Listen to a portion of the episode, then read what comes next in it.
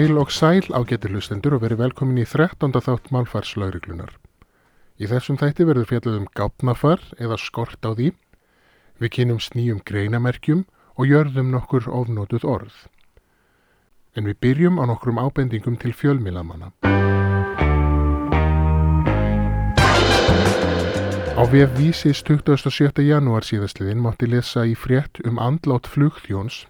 Vél bandaríska flugfélagsins Hawaiian Airlines þurfti að framkvæma neyðarlendingu í San Francisco á leið sinni frá Honolulu, höfuðborgar Hawaii, til New York vegna veikinda flugþjóns um borð á fymtudagin. Að undanskildu því orðið höfuðborg eða þarna í vittlusu falli er sagt frá því að það hefði þurft að framkvæma neyðarlendingu til að gera textan skemmtilegur og meira lifandi, ekki það að þessi frétt hafi verið lífleg eða skemmtileg, hefði mátt segja að flugvílinn hefði þurft að nöðlenda en ekki framkvæma neyðarlendingu. Vörum stopnanamálfar og notum sagnor þegar við getum í staðin fyrir óþarfa nafnorðasúpu. Dægin áður mátti lesa á sama fréttavef, efnistökin í þættunum fall ekki öllum í kram og hafa nokkrar umræður spunnist um þau á samfélagsmiðum eins og Twitter. Hér er blandað saman tveimur orðatildækjum. Annars vera falla í kramið hjá einhverjum og hins vera að falla einhverjum í geð. Annarkvort hefði átt að segja efnistökin falla ekki í kramið hjá öllum eða efnistökin falla ekki öllum í geð. Í fréttum áfengisvandamál Harry Potter leikarans Daniel Radcliffe kom fram að hann hafi lagt flöskuna á hilluna í þeirri merkingu að hann hafi hægt að drekka. Mér finnst einhvað ránt við þetta orðalag. Það er vel þekkt að íþróttamenn leggja skóna á hilluna þegar þeir hægt að spila bolta íþróttir en mér hefði fundist betra að segja að leikarinn hafi sett tappan í flöskuna. Í fréttum mislingasmitt á Íslandi var sagt börn eru ekki bólusett fyrir mislingum fyrir átján mánað aldur en bæði börnin hafa ekki náð þeim aldrei. Þetta var óhefilega orðað. Hérna hefði verið betra að segja hvorugt barnið hefur náð þeim aldrei. En það verður líka að rósa fjölmilamönnum fyrir það sem vel er gert og besta fyrirsögnafrétt það sem afur þessu ári hlýtur að teljast að minnstakosti að mínum að dim innkalla hallagallaðar pönnukökupönnur. Í fréttinni á bakvið fyrirsögnuna var líka nýjirðið hallagalli sem er framleiðslugalli sem fels í því að halli á tilteknum hlut er ekki réttur. Í þessu tilviki var það halli á skafti á pönnukökupönnum. Þá er komið nóg af ábendingum til fjölmilamanna en þá að tvöfaldri merkingu.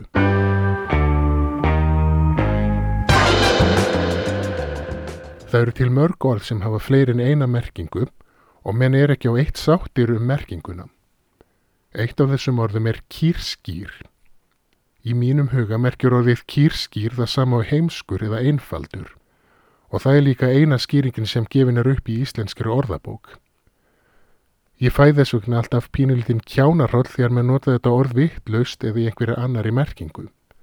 Sumir nota orðið í merkingunni að einhvað sé augljóst og stundum við þess að jafnvel hafa anstæða merkingu með að við réttu merkinguna og því að það samá vitur eða vel gefin. Það er algjörlega kýrskýrt að ríkisútvarpið gaf ekki réttar upplýsingar fyrir fjárlaganendinni, sæði Guðlaugur Þór Þórðarsson til dæmis 7. november 2015. Annað og nýra dæmi er fyrirsögnin Rannsakandi segir minnstrið kýrskýrt dæmi um skipulaða brotastarfsemi. Þarna er átt við að minnstrið sé augljóst dæmi um skipulaða brotastarfsemi. Við lauslega leit á vefnum tímarit.is virðist algengasta merking orðsins skýr-skýr vera eitthvað sem er augljóst. Elsta dæmið sem finnst um orðið er frá orðinu 1976. Sumir hafa velti fyrir sér hvort að gamla merkingin, það er heimskur, sé einhvers konar draugmerking. Það er að segja merking sem finnst hvergi nema í orðabókum. Þessi hugmynd kemur til dæmis fram í grein Jóns G. Fríðjónssonar um Íslandst mál í morgunblæðinu 31. mars 2007. Sjálfur hef ég aldrei heyrt orðið kýrskýr notað í merkingunni heimskur. Ég er ekki alin upp í sveit og hef ég ekki vita á gáfnafæri kúa eða skorti á því. Ég held að vittniska mínum þessa merkingu hafi komið úr spurningaspilinu Trivial Pursuit einhver tíman á nýjunda áratug síðustu aldar. Af því að Trivial náði að planta þessu í huga mér þegar ég var áttið að nýjára, hefur þetta verið hinn einu og rétta merking orðsins í mínum huga. Misvitrir mokkablokkarar og virkir í aðtöfasendum, sérstaklega af eldri kynstóðum, virðast vera samála mér. Það eru þó einhverjum þeir sem gera aðtöfasendir við orðanótkun stjórnmálamanna og svökildara fréttabarna sem vekja aðtegli á þessari merkingu orðsins. Hlustendur sem vilja lesa meira um orðið kýrskýr geta kynnt sér ágæta grein Margreðar Jónsdóttur í tímaritinu Orð og tunga frá orðinu 2018. Tengill í greinina fylgir með 13. þætti á vefnum orðabókin.is. En snúum okkur næsta nýjustu greinamerkjunum.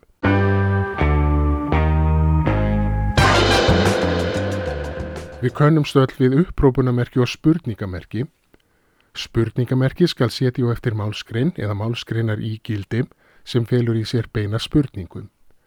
Upprópunamerki skal setja á eftir einstökum orðum eða málskreinum sem fælst í upprópun, til dæmis fögnuður, skipun, fyrirlitning og svo framvegis. Nánarmálið sem notkun þessara merkja í auglýsingu um greinamerkjasetningu. Tengil má nálgast undir síðu 13. þáttar á vefnum orðabókin.is. Í formlegu rítmáli þykir ekki fara vel að því að nota fleiri en eitt greinamerki í einu. Þó eru til undantekningar. Þrýr púntar í röð geta til dæmis staknað úrfellingu eða higg og þrjú upprópunamerki í röð eru alþjóðlegt taknum nextlun.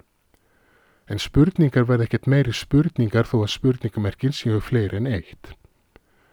Þaðan af síður þykir heppilegt að nota mörg mismunandi greinamerki í röð. Það er hins vegar gert í óformlegra ritmáli á internetinu og á samfélagsmiðlum. Sjömum þykir heldur ekki gott í formlegum prentuðum texta að nota spurningamerki og upprópunamerki saman. Árið 1962 var því gerð tilrönd til að samina þessi tvö merki í eitt. Upphafsmandur þess var bandaríkjamadurinn Martin K. Specter, yfirmadur á auglýsingastofu. Þetta merki ákvaðan að kalla Interrobang. Á íslensku mætti kalla það rópspurningamerki. Rópspurningamerki er eins og áður sæði sett saman úr upprópunamerki og spurningamerki. Það lítur út eins og upprópunamerki sem er búið að skrifa spurningamerki yfir eða öfugt. Eða stafinn þotn eða pje með punti undir. Hlustendur sem vilja sjá hvernig merki lítur út geta farið á síðu 13. þáttar á vefnum orðabókin.is til að skoða það. Tilgangurinn með merkinu er að standa á eftir spurningum sem fela í sér óta, undrun, spennu eða vantrú eða á eftir retorískum spurningum þar segja spurningum sem er varpuð út í loftið meira til íhugunar en kall ekki endilega á svar. Merkið hendar þeim vel sem eru á móti því að nota mörg greinamerki í röð og vilja halda sig við eitt merki í einu. Rópspurningamerkið náði aldrei almennir hilli og hefur því ekki verið mikið notað kannski að því að það er ekki hægt að skrifa það með einföldum hætti á liklaborð, að minnst okkarst ekki á íslensk liklaborð. Það er þó gert ráð fyrir merkinu í hönnun okkur að leturgerða, en það þarf að fara krókaleiðir til að nálgast það. Eina aðferðin sem ég kann er að googla interrobang og nota svo copy-paste aðferðina. Ég þekki engin dæmi um hrópspurningamerki úr íslensku rítmáli, en ég sé fyrir mér að nextaðir virkir í aðtugasendum geti tekið það upp. Dæmi um spurningar sem getur endað á róp spurningamerki eru Hver fjandin er í gangi hérna? Kallur þetta tónlist? Er þetta frétt? Vilt ekki bara fara að grenja? Nú er þau undir virkum í aðtóasemdum og notendum samfélagsmiða komið að vekja róp spurningamerkið til vex og virðingar. Þá munu tölviframleðendur, forritarar og leturhönnuðir kannski taka við sér og auðvelda aðgengi að því á venjulegum liklaborðum. Hlustendur sem vilja kynna sér rópspurningamerkið betur geta lesið grein á ennsku útgófu Wikipedia um Interrobang. Tengill fylgir með 13. þætti á vefnum orðabókin.is. En snúm okkur að lokum af nokkrum ofnótuðum orðum og orðasamböndum sem er hægt að nota minna.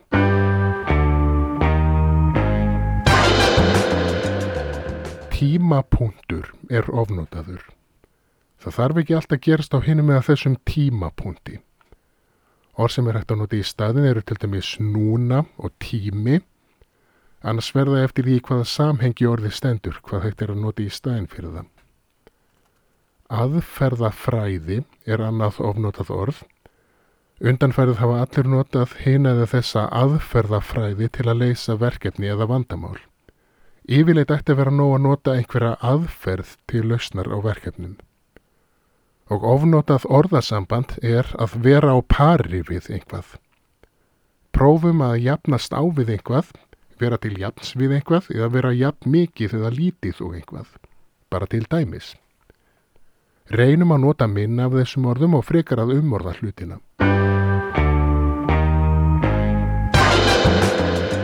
Hugmyndabrunnurinn er þá tæmdur í byli. Ég minni á málfarslaugluna á Facebook og Twitter sem og á vefin orðabókin.is. Þar geta hlustendur sendt skilaboð, rós, kvartanir, ábendingar og hvað sem þeim líkur á hjarta. Nýjir og eldri hlaðvarpstættir eru aðgengilegir á vefnum orðabókin.is, í iTunes og á Spotify. Tekstaútgáfur þáttanum á nálgastöðunum blog.orðabókin.is Það er blogg með tveimur gefum. En þessum þætti er þá öllum lokið. Takk fyrir áhengina. Góðar stundir.